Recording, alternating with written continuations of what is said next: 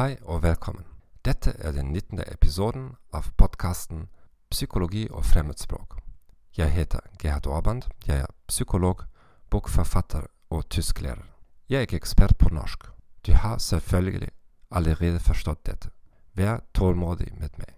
Men jeg lover at jeg skal bli bedre med hver nye episode. Hvis du har oppdaget denne podkasten akkurat nå, kan du sjekke ut de siste episodene først. Kvaliteten vil være mye bedre enn i det første. Temaet for dagens episode er dette. Hvordan finne passende lesestoff på et fremmedspråk. Jeg håper at du ikke gikk glipp av vår siste episode, avsnitt 18. Hvorfor skal jeg lære et språk godt hvis det er så mange gratis oversettelsesprogrammer? Du kan finne alle podkastepisoder i arkivet vårt. Hvis du vil høre på denne podkasten på et annet språk, kan du gå til vår hjemmeside thegomethod podcast eller thegomethod.org slash norwegian. Saboterer du din egen suksess med å lære et fremmedspråk, og kaster du bort tid og penger på uproduktive aktiviteter, oppdag de ett og skyve feilene jeg selv har gjort de siste 20 årene, og lær hvordan du kan unngå dem ved å lese min nyeste bok 21 Self-Limiting Beliefs in Learning a Foreign Language Smashed. Boken er tilgjengelig som lommebok og i Kindle-format på Amazon. Du finner din direkte lenken her på nettstedet til podkasten. La oss starte. Hvordan oppdage egnet lesestoff på et fremmedspråk? I dag er det praktisk talt ubegrensede ressurser for å lese tekster nesten alle språk.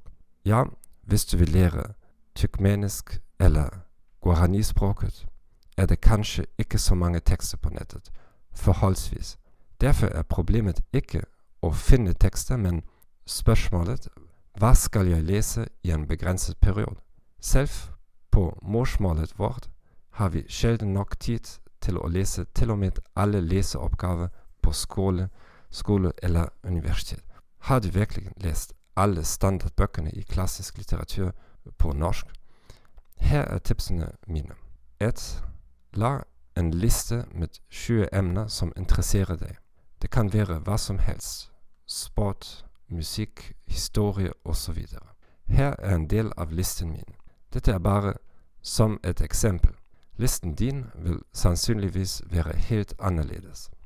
Flyselskaper, arkitektur, bokforfattere, komponister, valutaer, flagger, tysk litteratur, litteratur, lingvistikk, musikkteori, jernbane, russisk litteratur, sosialpsykologi, trær, amerikanske klassiske biler, arbeids- og organisasjonspsykologi. To, se etter spesifikke emner i hver kategori på Wikipedia. Tre, gå til Wikipedia gjennom opsjonen Portale. Klikk på innhold, og deretter på portaler på hovedsiden. Fire, les alltid to bøker samtidig. En som er for, for vanskelig for deg, og en som er veldig enkel. Les begge bøkene etter hverandre. I dag den vanskelige boken, i morgen den enkle boken, i overmorgen den vanskelige boken.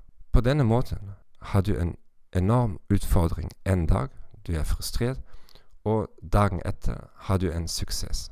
Prøv å finne minst én klassisk forfatter som du virkelig elsker, og prøv å lese alt av ham eller henne. På denne måten vil du ha en veldig høy standard for talen din. Takk for at du hørte på den 19. episoden av Psykologi og fremspråk. Jeg håper denne informasjonen var nyttig for deg. Abonner på kanalen vår på Apple Podcasts, Spotify, Stitcher eller favorittjenesten din. Vennligst anbefale oss til dine venner og kolleger. Som jeg lovet før, vil språkdelen bli bedre med de neste ukene. Vi ses og farvel.